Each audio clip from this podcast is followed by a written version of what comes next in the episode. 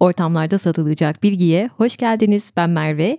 Bugün arketiplerden bahsedeceğiz. Gizli yeteneklerimizi, içimizdeki gücü, potansiyeli keşfedelim istedim. E tabi bunu yaparken yine uzman bir isimden faydalandım. Profesör Carol Pearson, o da psikiyatr Carl Jung, psikanalist James Hillman, mitolog Joseph Campbell gibi uzmanlardan faydalanmış, yeni teoriler ve modeller geliştirmiş, Edebiyattan, antropolojiden, psikolojiden faydalanarak altı arketip tanımlıyor ve bunlarla içimizdeki güce nasıl ulaşabiliriz? İçimizdeki kahraman eserinde de zaten bundan bahsediyor.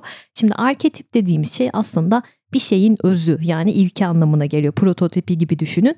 Jung bu arketipleri işte sanatta, edebiyatta, kutsal mitoslarda, rüyalarda bulmuştur ve bilinçaltımızı etkileyen şeylerin geçmiş kuşaklarla olan bağlantısı yani kolektif bilinç dışının içeriğini oluşturan öğeler arkadaşlar. Belli yaşantılara belli yönde tepki verme eğilimlerimiz. Yani atalarımızdan kalıtımla getirdiğimiz potansiyellerimiz.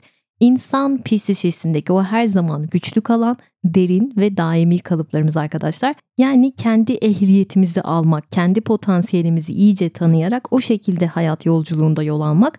Carol Pearson diyor ki Kişisel gelişim kitapları neden başarıya ulaşıyor hiç düşündünüz mü diyor. Çünkü insanlar zihinlerinin, ruh sağlıklarının sorumluluğunu üstlenme konusunda oldukça yapıcı bir arzuya sahip. Gerçekten hiç böyle düşünmemiştim ben. Ama bu kitapların çoğu bize bizdeki bozukluğu gösterme, sonra da onu nasıl düzelteceğimizi bildirmeye odaklanıyor demiş. Ama aslında bizim belki onarılmaya ihtiyacımız olmayabilir. Belki de sadece içsel iş değişimizi anlamamız gerekiyordur diyor. Gerçekten farklı bir bakış açısı. Hani böyle düşünmemiştim bu zamana kadar ve onu nasıl kullanabileceğimiz yani içimizdeki potansiyeli öğrenerek onu ortaya çıkarıp kullanmamız gerektiğini söylüyor. Belki de bizde bir bozukluk falan yoktur diyor. Yani psişemizi kullanma kılavuzundan bahsediyor bize. Altı içsel arketipten bahsederek ben de bugün sizlere bunları anlatmaya çalışacağım. Zorluklarla baş ederken içimizdeki güçten faydalanabilmek için. Şimdi bu altı arketip yetim, masum, e, gezgin, savaşçı, fedakar ve büyücü. Önce kısaca anlatmak istiyorum sonra derinleşeceğiz. Yetim zorluklarla uğraşan yani kendilerini kurban olarak görenler Gezgin uyum sağlamakla çok meşgul olan, işte benlik algılarını bulmak için bir yolculuğa çıkan, e, kendilerini sürekli yabancı hissedenler, savaşçı kim olduğunu sürekli kanıtlamaya çalışan yani başarı odaklı, rekabet odaklı, bir şeyleri değiştirmek için otoriteyi ele alabilen ve o inanca sahip olan, o sorumluluğu sırtlananlar, fedakar savaşçının bireysel sorumluluğunun aksine sosyal sorumluluğa odaklanan yani kolektif çabaya inanan, dünyayı bu şekilde iyileştirebileceğine inanan, masum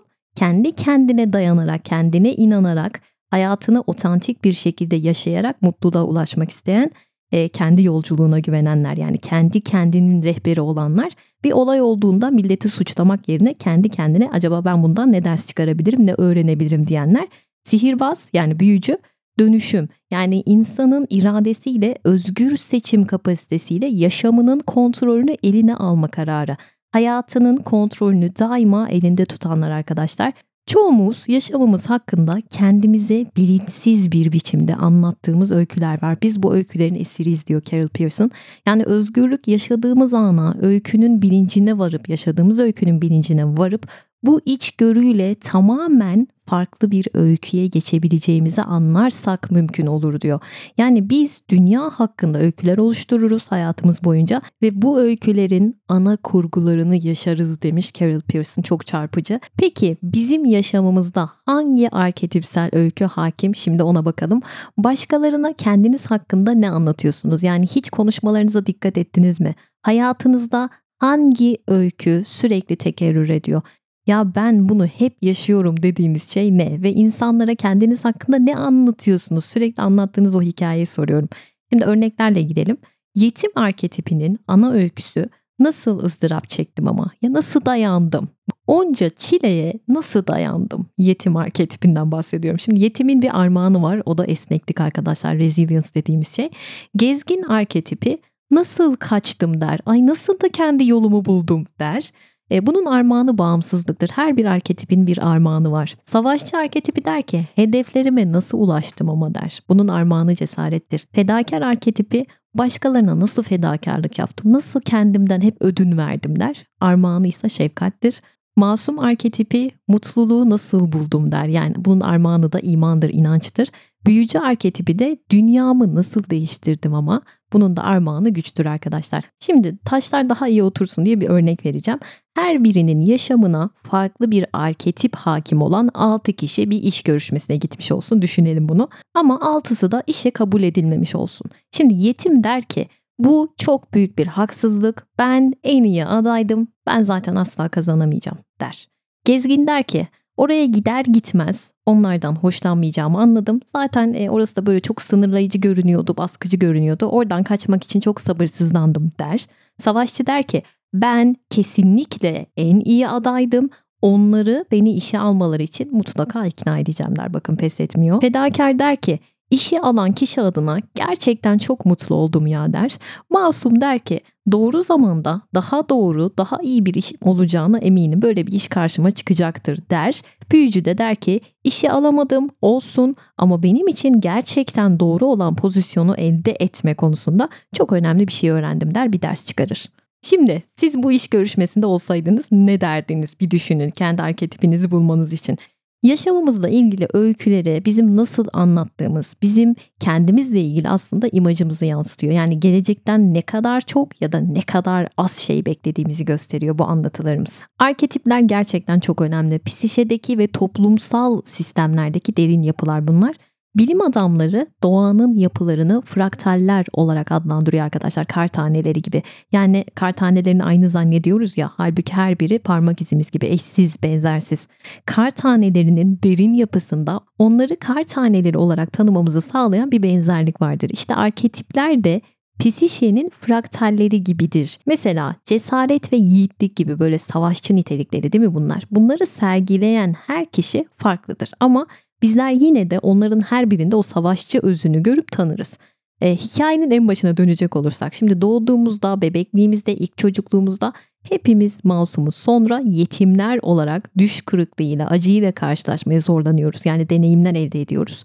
Büyürken canımız yanıyor bir şekilde. Ve büyürken yaşamımızı bazen sınırlayıcı buluyoruz. Gezgin oluyoruz. Bakın aslında bebeklik, çocukluk, gençlik diye gidiyor. Sonra işte orta yaş, yaşlılığa doğru gidiyoruz burada. Kendimizi bulmaya çıkıyoruz değil mi? Ergen yani gezgin. Tıpkı kahramanın yolculuğu gibi hayatımız. Sonra savaşçılar olarak ejderhalarımızla karşılaşıyoruz. Cesaretimiz geliyor. Fedakarlar olarak başkalarının hayatını kurtarmaya adıyoruz kendimizi. Kendimizi kendimizden daha büyük bir şeye adıyoruz. Varoluşumuzu anlamlandırmaya çalışıyoruz ve en sonunda büyücüler olarak yaşamımızı, toplumumuzu dönüştürmeye çalışıyoruz. Şimdi bu arketipler bizim olgunlaşma sürecimizde bu hayatta büyük gelişimsel görevlerde bize yardımcı oluyorlar. Yetim zorluğa dayanmayı öğretiyor arkadaşlar. Gezgin kendimizi bulmayı, savaşçı değerimizi kanıtlamayı, fedakar cömertliğimizi, masum mutluluğa erişmeyi ve büyücü yaşamımızı, yaşamları dönüştürmeyi. Merve bunlar ne işe yarayacak? Bize nasıl yardımcı olacaklar? Şimdi hayatınızda bir zorluk olduğu zaman etkili bir biçimde davranmanızı sağlar demiş arketipler için Carol Pearson. Örnek ver Merve. Şimdi siz çok bağımsız biriydiniz diyelim. Çok özgür ruhluydunuz. Dünyayı keşfedecektiniz derken evlendiniz ve bir bebeğiniz oldu. Şimdi o çocuğu büyütmek için o keşif arzunuzu, o özgür yanınızı dizginlemeniz gerekiyor. O zaman ne yapacaksınız? Kendi içinizdeki daha besleyici bir potansiyelle bağ kurmanız gerekiyor. Ya da eşiniz tarafından terk edildiniz. E, ilişkilerinizde sorun yaşıyorsunuz. Nasıl iyi olacağım ben diyorsunuz. Yani o iyi yanınızda bağ kurmanız gerekiyor. Hayatımda cesarete ihtiyacım varsa ısrarlı bir biçimde denemem gerekebilir. İçimdeki savaşçı arketipini göreve çağırabilirim. Yani bu şekilde içimizdeki o arketipleri uyandırıyoruz. Sadece o enerjiyi uyandırmayı bilmemiz gerekiyor. Stres altındayken zaten hepimiz geçici olarak bir arketip tarafından ele geçirilebiliriz. Yani çünkü içimizde onun tüm olumlu ve olumsuz potansiyellerini barındırıyoruz. Gölgelerle ilgili bir podcast yapmıştım. Onu mutlaka dinleyin. Dediğim gibi olumlu ve olumsuz potansiyellerini içimizde barındırıyoruz bunları. Mesela savaşçının uç versiyonu arkadaşlar yakıp yıkmak olabilir. Veya bu özelliğiniz sizi avukat yapmıştır ve çok çekişmeli bir hukuk davasında rekabet ediyor olabilirsiniz. Burada aslında bilinç önemli. Yani gölgeleri görmek için diyorum. Onların olumsuz veçelerini de görmemiz ve dengelememiz gerekiyor. Bastırdığımız her şey arketiplerde dahil bir gölge oluşturur der Carol Pearson. O gölgede bize hükmedebilir. Yani arketipler aslında bizim gelişip tekamül etmemize yardımcı olan şeyler. Yani her birinin de bir armağanı var ve yaşamımızı belirleyen o arketipsel ana öykülerin farkına varırsak aynı hataları tekrar tekrar yapmaktan kurtuluruz ve aynı şeyleri yaşamaktan da. Benim yaşamımda böyle tekrar tekrar yaptığım ve yapmaktan asla bıkmayacağım tek şey ne biliyor musunuz? Bu sesten tanıyacaksınız. Philips Latte Go 5400 arkadaşlar. Onunla espresso yapmak, americano yapmak, latte yapmak gerçekten her gün vazgeçilmezim. Evimizin, ofisimizin baristası yumuşacık süt köpüğüyle böyle latte'den sert bir espressoya kadar 12 farklı içecek yapabiliyor benim baristam. E, dokunmatik ekran üzerinden böyle damak tadınıza göre kahvenizin yoğunluğunu, sertliğini, su miktarını, süt miktarını her şeyini ayarlayabiliyorsunuz, kişiselleştirebiliyorsunuz.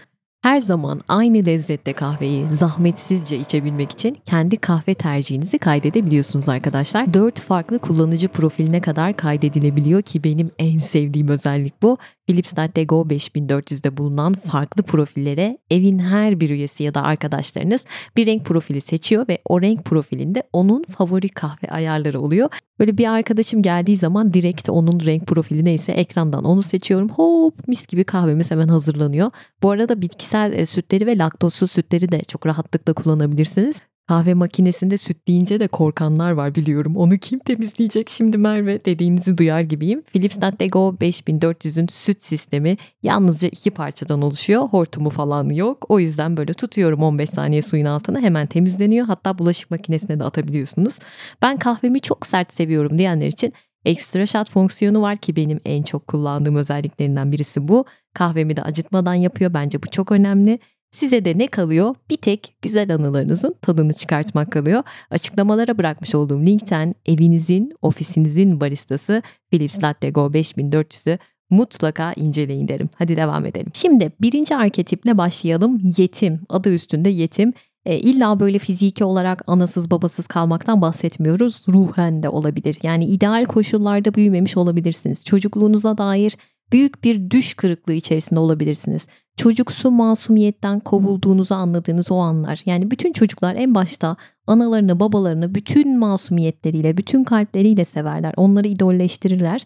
Ama onlar tarafından hayal kırıklığına uğratıldıysa, o çocuksu masumiyetten kovulduysa hayata bir sıfır yenik başlar maalesef ve yolculuğunu yetim arketipinde tamamlayanlar genelde acı içinde olan insanlara, sıkıntılı insanlara çare olmak isterler, şifacı olmak isterler, böyle yara bandı gibidirler.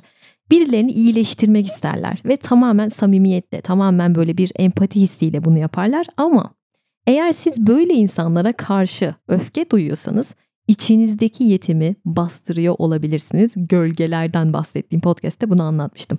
Bu arketiptekiler yardım istemeye çekiniyor olabilirler arkadaşlar. Hayatta iyi şeyleri hak etmediklerini de düşünüyor olabilirler. Bu arketiptekiler böyle çocuksu bir masumiyet içerisinde olabilirler. Mesela kadınlar eşlerinden bir baba gibi davranmasını bekleyebilir. Aman işte evi o geçindirsin, parayı o kazansın, bana bakmak onun görevi. Bakın çocuk gibi hani bir baba tarafından kollanan bir çocuk gibi değil mi? Erkekler de eşlerinden annelik bekleyebilir. Yemeği o yapsın, temizlik yapsın, çocuk baksın. Zaten bunlar onun görevi gibi görebilir. Yetim arketipi. Bunlardan vazgeçmek de acı verir. Çünkü neden? Güçsüz hissederler bunlardan vazgeçerlerse. Hep o çocuksu masumiyeti ararlar. Anne baba sevgisi, buna duyulan ihtiyaç ve onu başkalarından tatmin etme arzusu var burada. Birileri işte eşiniz olur, dostunuz olur, her kimse birileri bu ihtiyaçlarınızı gidermediği zaman ihanete uğramış gibi hissedersiniz. Eğer bu arketipteyseniz. Ne yapmamız gerekiyor? Yeterince güçlü kalmayı tek başımıza öğrenmemiz gerekiyor. Yani bize bakacak birilerini aramadan, sırtımızı birilerine dayamadan, sürekli kendi acınızı bastırmak için belki de siz başkalarının acısını koşuyorsunuz. Hani dedim ya siz yara bandı mısınız diye.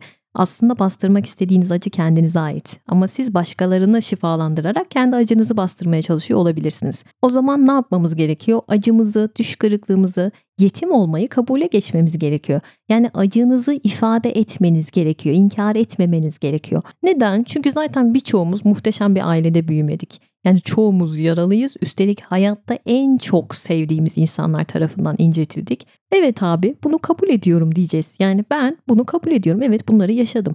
Yetim arketipi hayatımızda aktif olduğu zaman eğer bir hastaysak bir terapiste gittiğimiz zaman Her şeyi bilmelerini isteriz. Bizi iyileştirmelerini bekleriz. Ama tabii uç seviyelerden bahsediyorum. Ya da işte sevgili arıyorsak mükemmel bir eş olmalı onu ararız. Siyasette çok büyük bir liderin gelip ülkeyi bataktan kurtaracağını bekleriz. E, tüketici olarak en hızlı çareyi vaat eden ürünlere çekiliriz. İşte şu bebek bezini alırsam iyi anne olacağım. E, bu evi alırsam süper bir hayatım olacak. E, şu yüzde şu vücuda kavuşursam erkekler kadınlar beni çok beğenecek, sevecekler, karşı koyamayacaklar. Hep bir kurtarıcı, hep bir eylem planı. Dikkat ettiniz mi? Tüm inancımızı başka bir şeye bağladık. Ve bununla rahatlatıyoruz kendimize. Kendimize değil ele güveniyoruz ve kurtarılmayı bekliyoruz. Yaslanacak bir omuz arıyoruz, bir koltuk değneği. Bu arketipteki insanlar kötü bile olsa, karşı taraf size kötülük bile yapsa ya benim iyiliğim için yapıyor der. Buna katlanır kötü muameleye. Kurtarıcı rolü oynar ya da. Ama içsel olarak yetimdir aslında. Yani aslında kurtarmak istediği şey kendisi. Bütün anlattıkların bende var Merve diyorsanız ki bu arketiptekiler acıdan kaçmak için genelde kendilerini alkole ya da işte kendini uyuşturacak şeylere verir. Bu her şey olabilir. Uyuşturucu deyince illa böyle madde olarak uyuşturucudan bahsetmiyorum. Sabahtan akşama kadar ne bileyim dizi izler mesela. Oyun oynar. Maksat acıdan kaçmak, kendini uyuşturmak. Ne diyorlar? Acınızı paylaşın. Bir terapist de olabilir, bir arkadaşınız da olabilir güvendiğiniz. Ama burada yapılacak şey yaşamınızın sorumluluğunun lütfen size ait olduğunu görün ve hayattaki küçük ölümlere engel olmaya çalışmayın. Küçük ölüm derken ayrılıklardan bahsediyorum. Böyle insanlar doğum günlerini bile kutlamazmış düşünün. Hatta hoşça kal demeden ayrılabilir. Sırf böyle kayıp yaşamamak için önce o gider. Hatta ilişkiyi bitirmek için kavga bile çıkarabilir. Bitişleri engellemek için hani siz terk etmeyin diye o önce gider. Hep başkalarını suçlar. O suçun yükünü bile başkalarına yükler. Hiç kimseye güvenmez. Kullanılmaktan çok korkar. Hayatındaki en büyük korkulardan biri budur. Yani acı çekmemek için belki yalnız bile kalabilir. Peki ne yapmamız gerekiyor? Hislerimizi ifade etmemiz gerekiyor. Paylaşalım, olmadı yazın, incinmeye açık olun. Dediğim gibi küçük ölümlerden korkmayın. Kendinizi aşka, sevgiye kapatmayın sırf incineceğim korkusuyla. Çalışın, bir iş güvenceniz, bir işiniz olsun. Sırtınızı böyle illa birilerine yaslamaya çalışmayın. Bir e, baston aramayın hayatta. Kurban zihniyetinden çıkın artık ve Lütfen sürekli yakınmaktan vazgeçin ve hep kendinizi haklı görmekten. Yani artık gerçek dünyaya dönme zamanı, çocuk olmadığımızı hatırlamanın zamanı. İkinci arketip gezgin arkadaşlar. Hayatınızı çok mu sınırlayıcı buluyorsunuz? Yani topluma, sürüye ayak uydurmak için kendinizden mi vazgeçtiniz? Böyle mi hissediyorsunuz? Yani kendimi sürekli törpülemek zorundayım ve kendimi yabancılaşmış hissediyorum diyor musunuz? Ya da bir tarafınız böyle serüven yaşamak istiyor ama dizginlemeye çalışıyorsunuz kendinizi.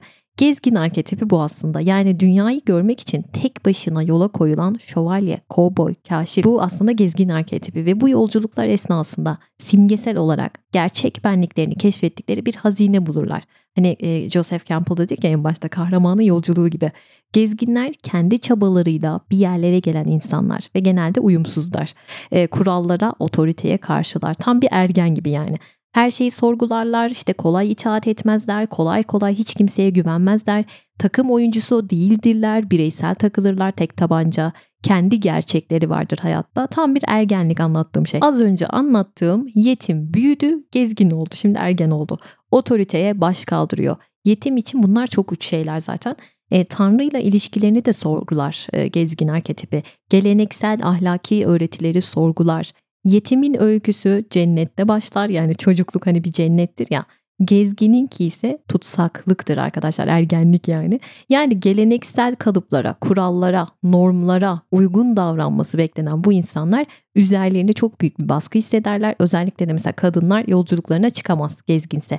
E, ne kadar baskı duyarsa duysun aman işte babam üzülür, aman eşim üzülür, çocuğum incinmesin diye e, oturur. Sonra kendilerini böyle içten içe yerler, incinirler ve diğerlerini de incitirler denilmiş. Yani koruyucu rollerimizin kapanına sıkışıp kendimizi gerçekleştiremiyoruz. Hatta bırakın gerçekleştirmeyi buna cesaret bile edemiyoruz. Gezginler bilinmeyene gitmek üzere bilinen dünyayı terk etmeye karar verirler. Dünyayı kendi gözleriyle görmek isterler ve bunun bedelinin yalnızlık ve belki ileriki hayatında yoksulluk olacağını düşünseler bile mesela yetim ve fedakar arketipindeyseniz sevilmek için kendinizden taviz vermeniz gerektiğini düşünebilirsiniz. Kendim olursam sevilmem, dostsuz kalırım, yalnız kalırım diye kendinizi feda edebilirsiniz ama gezgin öyle değil. E, geçen Instagram'da bir şey paylaşmıştım. Şöyle erkekler yakınlıktan korkar, kadınlarsa yalnızlıktan. Erkekler bağımsızlığı, kadınlar yakın ilişkiyi seçme eğilimi gösterirler ama biri olmadan diğerini elde edemeyiz. Eğer bağımsızlık yerine yakın ilişkiyi seçersek bir ilişkide tam olarak kendimiz olamayız. Çünkü o yakınlığı korumaya çok yatırım yaparız. Rol oynamak zorunda kalırız ve sonunda da yalnız hissettiğimiz zaman üzülebiliriz. Bağımsızlığı seçersek yakın bir ilişkiye ihtiyaç duyacağız eninde sonunda. Bunu belki bastıracağız. Kimseye ihtiyacım yok. Aman da ben kendi kendime yeterim diyeceğiz. Böyle bir kafaya gireceğiz ama bunu diyenler aslında en yalnız insanlardır demiş Carol Pearson. Ya böyle insanlar yani kendi kendine yetme illüzyonunu sürdürenler aslında e, terk edilmekten çok korkarlar demiş düşündürücü. Şimdi gezginler tek başlarına var olamayacaklarından korkabilirler ama toplumdan dışlanma pahasına da olsa bunu göze alabilirler. Yetimlerde bu yok. Kadınlar mesela yalnızlıktan çok korkar e, ama fedakar aşamasına takılı kalabilir. Yalnız bir kadın olmanın dişilikten yoksun olma anlamına geldiği kanısı var toplumumuzda. Bununla sınanabilir. Erkekse bağımsızlığına saplanıp kalabilir, özgürlüğünden vazgeçip de evlenemeyebilir. Yani gezgin arketipi yaşamımızda ortaya çıktığı zaman gerçekten yalnız olmasak bile kendimizi e, kopmuş, yabancılaşmış, yalnız hissedebiliriz. Yalnız yolculuğa çıkabiliriz, hep yalnız takılabiliriz. Yani toplumun bizden beklediği ama ruhumuzda olmayan o rolü oynarken de aslında biz yalnız kalırız. Atıyorum kötü bir evliliği sürdürürken de yalnızsınızdır veya toksik bir aileyle yaşamaya devam ederken de yalnızsınızdır. Yani yalnızlık illa böyle ay çok yalnızım, tek başımayım demek değil. İçinde yabancılaştığınız her ne varsa bir düşünün. Kendimi hep böyle başka alternatifler hayal ederken buluyorum dediğiniz anlar varsa gezgin arketipiniz uyanışa geçmiş olabilir. Aslında bu kahramanın yolculuğunun başlangıç aşaması gibi arketipsel kahramanın o küçük kasabasını terk edip bilinmeyen bir yola çıkış hikayesi. İşte güneşe doğru atını sürenler, kocasını, eşini terk edenler veya işte anasını, babasını, işini her neyse bir şeyleri terk edenler. Yolculuk zamanı geldiyse kendinizi yabancılaşmış ve yalnız hissedebilirsiniz. Yani o arketip devrede olabilir. Kimimiz bir ihanetle sarsılırız bu yola çıkarırız. Kimimiz ya zorla itiliriz. Kimimiz yabancılaşma işte bir daralma hissi gelir. Kimimiz sevilen birinin acı kaybıyla her şey olabilir yani bu yola çıkışta. Ama o yolculuk zamanı geldiğinde bunu hissedersiniz. Bir de şöyle bir şey var. Eğer çok güzel bir ailede büyüdüyseniz, özerklik ve bağımsızlık arzularınız harekete geçtiği zaman yani gezgin arketipiniz uyandığı zaman bunu yanlış bir şey olarak algılayabilirsiniz. Yani orada verilen o ailenizde verilen sevginin bedeli çünkü daima iyi davranmanızı gerektireceği için ya belki de başkalarını memnun etmeniz gerektiğini düşündüğünüz için sevdiklerinizi bile incitebilirsiniz, kırabilirsiniz. Onlara çok kötü bir insanmış gibi davranabilirsiniz. Neden? Çünkü aslında burada yolculuğunuzdan vazgeçmemek var. Onun için yapıyorsunuz. Başka bir tavır sergiliyorsunuz. Yani sırf o yolculuğa çıkmak için insanlara kötü davranıyor olabilirsiniz. Hani bazen böyle muhteşem ailede büyüyen çocuklar böyle çok agresif, hiç olmayacak şeyler yaparlar. Hani nefret edilesi bir insana dönüşürler ya. Belki de bunun altyapısında bu vardır demiştim. Yani gezgin kendimize karşı dürüst olmayı öğretiyor arkadaşlar. Dürüst olun. Yetimler için mesela en önemli kişi kurtarıcıdır hayatlarında ama gezginler için en önemli kişi dönüştürücü kişidir. Kötü adamdır ya da işte onu tutsak alan tutsakçısıdır. Ve psikoterapi genelde gezgin arketipini teşvik ediyormuş arkadaşlar. Yani hayatta kendi yolculuğunuza çıkmaya teşvik. Ve özellikle de yetim aşamasına saplanıp kaldıysanız.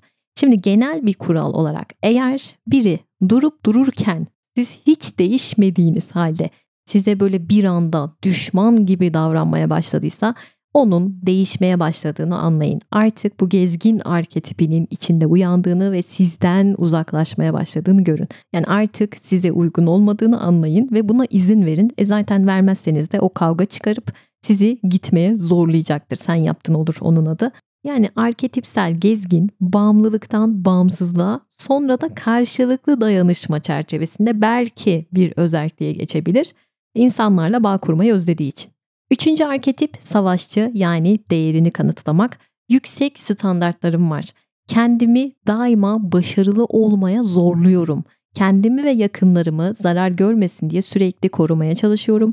Başarı benim için en önemli şey diyorsanız olabileceğimin en iyisi olmak için uğraşıyorum. Korkunç çalışıyorum tam bir iş koliyim diyorsanız.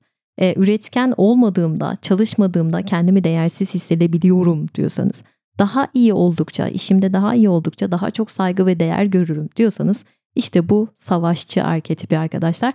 Niye savaşçı bu arketipin adı? Çünkü avcı toplayıcı dönemde atalarımız avlanmazlarsa ne oluyordu? Yiyecek bulamazlarsa ölümle sınanıyorlardı değil mi? Yani avlanmada başarısız olmaları aslında ölümle eşdeğer. E sonra avlanıp yeterince yiyecek olduğunda bile yine boş durmuyorlar. Yine böyle işte aletler, silahlar yapmaya çabalıyorlar. Sınırlarını koruyorlar. E sürekli üretiyorlar modern dünyadaki savaşçı arketipi gibi yani savaşçı arketipini kullanamayan biriyseniz eğer kötü muamele görürsünüz, sınırlarınızı koruyamazsınız, ihmal edilirsiniz, değer verilmezsiniz, bu risklerle karşı karşıya olabilirsiniz. Ve savaşçı bizim ne istediğimizi bilmemize ve onu elde etmek için harekete geçmemize yardımcı olan arketip. Yani kendi kendini geçindirebilme yeteneği. Bakın yetimde bu yoktu mesela. Yani avcılığın günümüzdeki karşılığı gibi düşünebilirsiniz. Ve iş hayatında işte böyle tıpkı bir avcı gibidirler. İşini kaybetmemek için yani avını kaçırmamak için ölüm kalım savaşı verirler. O yüzden rekabetçidirler. Rakiplerinin hakkından gelen kişilerdir ve her ne iş yaparsa yapsın en mükemmelini yapmak ister. Mücadelecidir. Çünkü kendine saygısını bu şekilde kanıtlar. Mükemmelliyetçiler. Ama arketiplerin çoğu gibi savaşçı da büyük armağanlar getirebilir. Ama eğer onun o formuna yakalanıp kalırsak neyi başarmaya ya da işte kazanmaya uğraştığımızı unutursak günün sonunda o bizi küçültebilir de. Eğer yetim arketipindeyseniz kurtarılmayı beklersiniz demiştim ya. Savaşçı arketipini uyandırmanız iyi olur yetim arketipindekiler. Kurtarıcı beklemeyen, kendi kurtarıcısı kendisi olanlar. Mesela içimizdeki savaşçı yetime der ki seni kurtaracak birini hep kendi dışında aramak zorunda değilsin ben seni kurtarabilirim der. Yani kendi kendimi kurtarabilirim. Ve savaşçı bize içimizdeki gücü hatırlatandır. Kimliğimizi ortaya koymayı, kendimizi savunabilmeyi, sınırlarımızı çizebilmeyi ve onları koruyabilmemizi öğretir. Nelerin bize yaşam verip güçlendirdiğini, nelerin canımızı yavaş yavaş aldığını, ruhumuzu ezdiğimizi görmemizi ister. Zihnimizi, kalbimizi, ruhumuzu besleyen şeyler için savaşmamızı ister. Bir de şu var. Herhangi bir arketip diğerleriyle eğer denge içerisindeyse daha olumlu bir etki yaratır hayatımızda. Bu arketipleri böyle soğanın tabakaları gibi düşünün arkadaşlar. Daha derinlere indikçe giderek daha fazlasına erişiyoruz. Mesela sadece gezgin ve yetim arketipine erişmiş bir savaşçı olduğunuzu düşünün. Acımasız olabilirsiniz ama fedakar arketipi gelişmiş olan savaşçılar başkalarına hizmet etmek için savaşırlar. Ya da işte masum ve büyücü arketipleri de uyanmışsa mücadeleleri spiritüellikle bağlanabilir. Ya da işte askerler ülkeleri için savaşır, e, gönüllüler insanların yaşamı için savaşırlar, doğa için, hayvanlar için.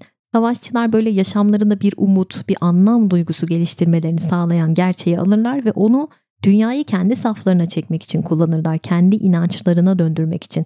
Fedakarlar ne yapar mesela böyle bir durumda?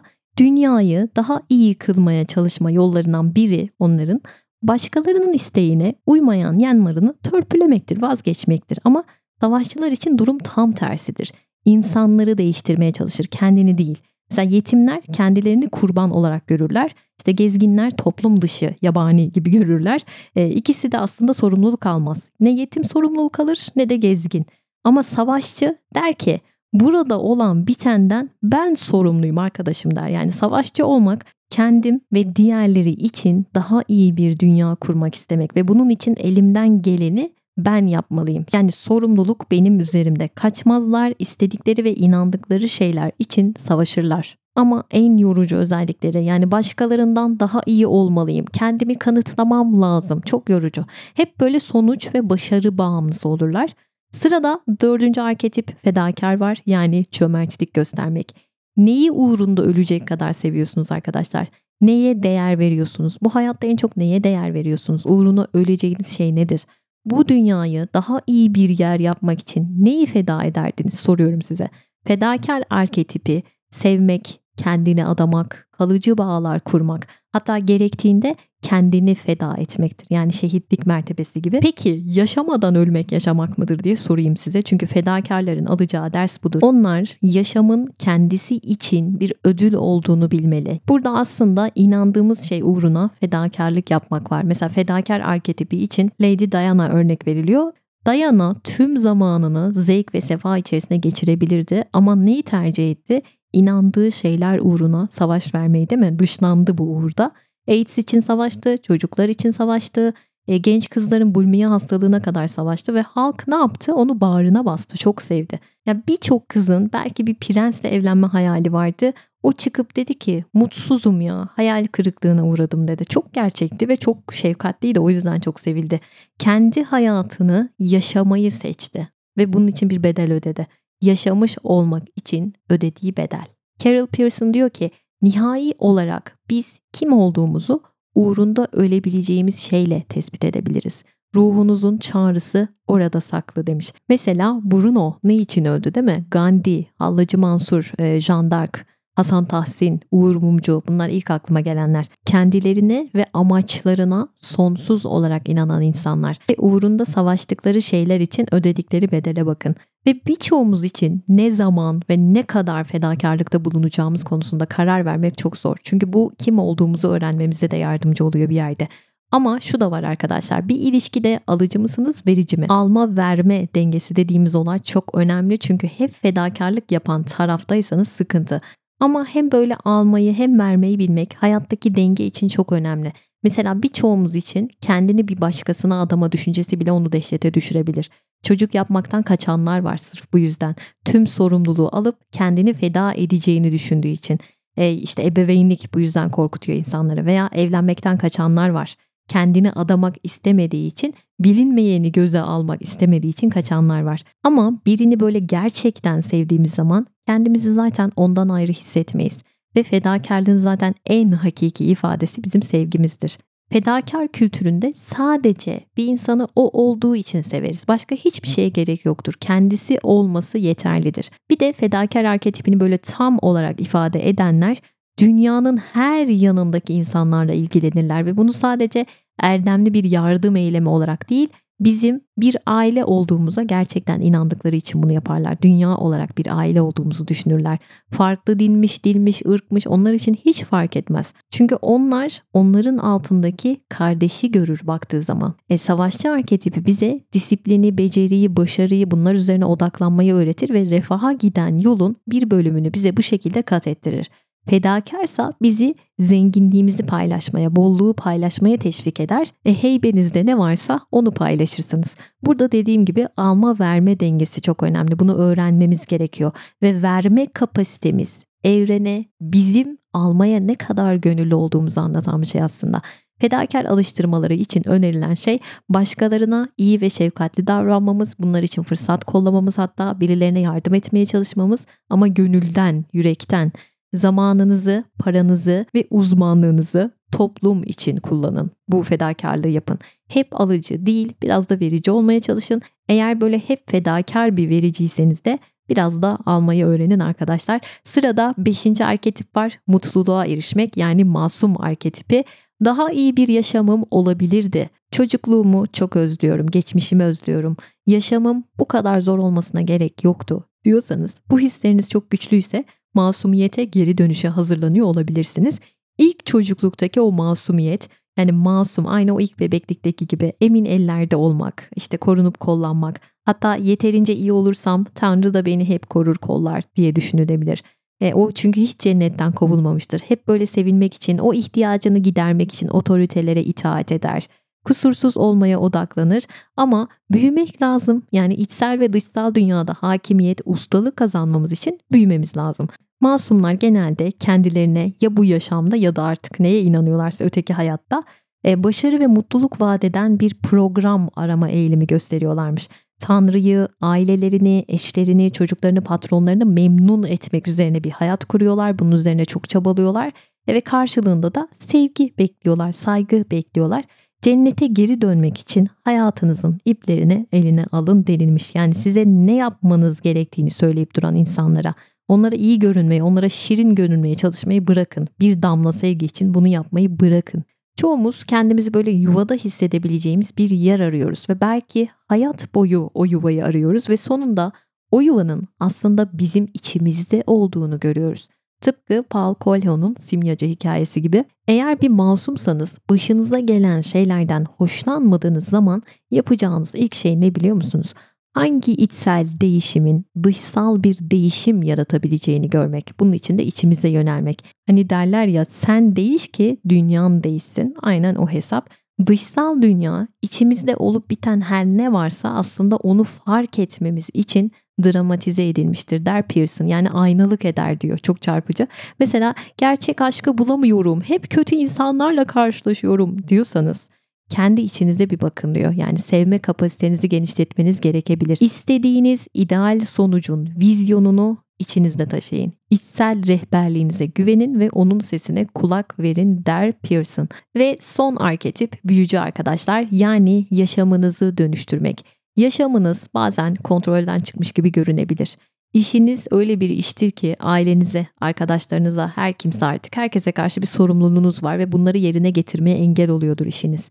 Ve bunu çok derinden hissediyorsunuzdur artık kendinizi ihmal ediyorsunuzdur ruhen ve bedenen ve bunun üzüntüsünü çekiyorsunuzdur. Bir bakarsınız yaşamınızı siz değil yaşam sizi yönetmeye başlamıştır. İşte o zaman bir mucizeye ihtiyacım var herhalde dersiniz. Yani bunlardan kurtulmak için, her şeyin düzelmesi için, bu kaostan çıkmak için. Eğer böyle diyorsanız, insanların taleplerinden bıktıysanız, herkesi böyle memnun etmeye çalışmaktan, aman işte annem babam mutlu olsun, kusursuz bir ebeveyn olayım, müthiş bir fiziğim de olsun e, ideale ulaşayım derken kendinizi mahvediyorsanız işiniz zor.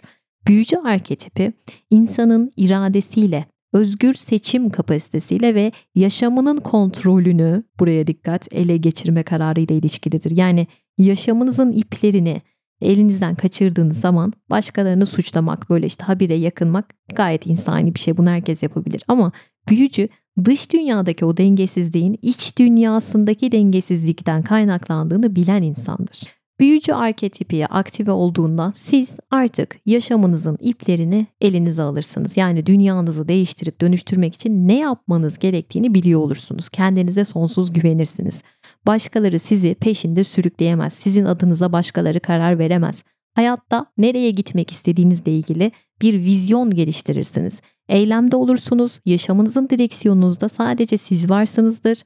Kendi değerlerinizle, kendi amaçlarınıza hizmet edersiniz.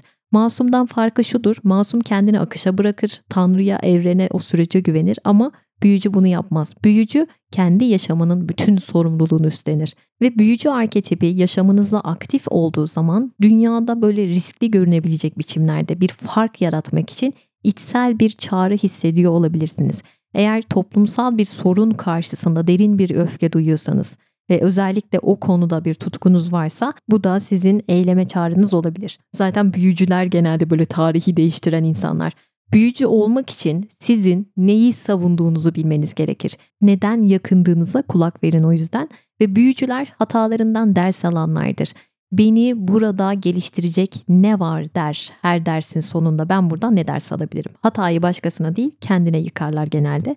Acaba ben ne yapabilirdim burada? Benim payıma düşen nedir diyebilmektir. Yani kendilerini dürüstçe görürler dışarıdan bir göz gibi.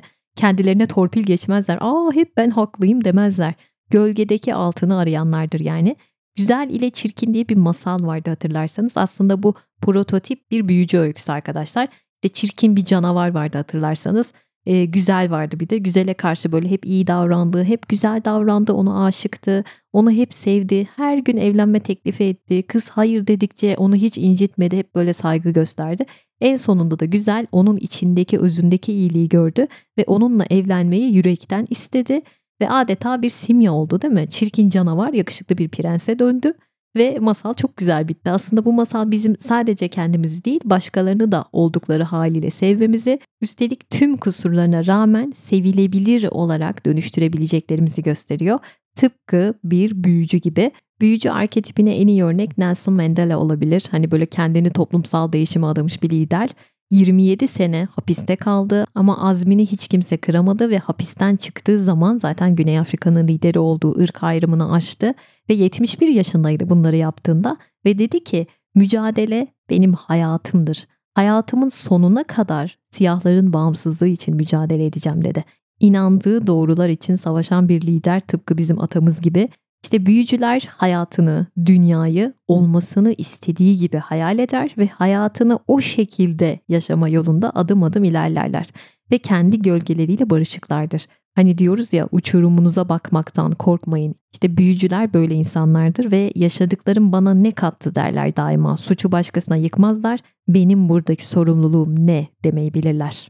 Şimdi yine çok dikkatimi çeken bir yer var oradan bahsedeceğim size. Carol Pearson diyor ki eğer siz başkalarına bağımlı, böyle sızlanıp duran, sürekli yakınan insanlar vardır ya, onlardan nefret ediyorsanız en sonunda kendinizi haksızlığa uğramış aynı o insanlar gibi yüksek bir otoritenin insafına sığınmış ve yakınırken bulabilirsiniz. Ağlamaktan başka hiçbir çözüm bulamadığınız, sürekli tekrar eden mağdur olmuşluk yakanıza yapışabilir. Saldırgan insanlara dayanamıyorum diyorsanız kendinizi haksızlığa uğradığınız, itilip kakıldığınız, kaba kaba muameleler gördüğünüz bir durumda bulabilirsiniz. Aslında buradaki olay şu, savaşçı arketipinin dersini öğrenmeniz gerekiyor ve o dersi öğrenene kadar dövüşmenizi gerektiren durumlarla karşılaşabilirsiniz. Eğer kendini böyle başkaları için feda eden insanları küçümsüyorsanız er ya da geç biri hastalanacak, sizin yardımınıza muhtaç olacaktır ve siz bütün işinizi gücünüzü bırakıp onun yardımına koşmak zorunda kalabilirsiniz. Yapmazsanız da kendiniz yardıma muhtaç bir şekilde kalabilirsiniz. Eğer siz insanları böyle ayrımcılık yaparak dışlarsanız siz de dışlanacaksınız veya bir gruba dahil olmak isteyeceksiniz. Onlara ayak uydurmak için belki kendi değerlerinizden vazgeçmek zorunda kalacaksınız. Bunları yaşayabilirsiniz. İşte bunlar gölge podcast'imde anlattığım şeyler. Eleştirdiğiniz şeyler neyse o sizde var aslında demiştim. İçinizde uyuyor belki, belki uyanmadı ama orada bir yerlerde var demiştim. O yüzden kendi projeksiyonlarımızı görmüyoruz bazen. Yapmamız gereken şeyi doğru yapana kadar kendimizi tekrar tekrar o arketipin öyküsü içerisinde bulabilirmişiz. Şimdi kısaca toparlayacak olursam yetim içimizdeki çocuk, gezgin içimizdeki genç, savaşçı içimizdeki baba, fedakar içimizdeki anne ve büyücü varoluşsal ben. İşte bunların hepsi bizim içsel ailemiz arkadaşlar. Buradaki süreç bizim o ilk ailemizdeki eksikliklerimiz var ya o olumsuzluklar onları telafi edebilmek için bir içsel aile yaratıyor. Yani kendi içimizde bir aile kazanmış oluyoruz. E ve bu yaşamımız artık işte o çocukken sahip olduğumuz ya da olamadığımız şey her neyse onlar tarafından sınırlanmamış oluyor. Yetim arketipi içimizdeki çocuğa zorluklara dayanmayı öğretiyor. Gezgin içimizdeki ergen ve bizi ana babadan, otoriteden ayırıyor veya işte bilinmeyenle karşılaşmak için o serüven duygumuzu geliştiriyor. Savaşçı bizi koruyor, güçlendirmeye çalışıyor ve içimizdeki babayı aktive ediyor. Fedakar e, bizi besliyor, teselli edebilmesi için, rahatlayabilmesi için o içimizdeki anneyi destekliyor. Biz bu içsel aileyi kurduğumuz zaman içimizdeki çocuk artık öyle kaybolduğunu, yalnız olduğunu, bağımlı olduğunu hissetmiyor. Bu bir çember arkadaşlar ve bu çember tamamlandığı zaman yani şifalandığımız zaman büyücü devreye giriyor ve diğer arketipleri dengede tutmak için merkeze geçiyor tam ortaya. O yüzden arketiplerimizi bulalım. Nerede nasıl bir dengesizlik var diye bakalım.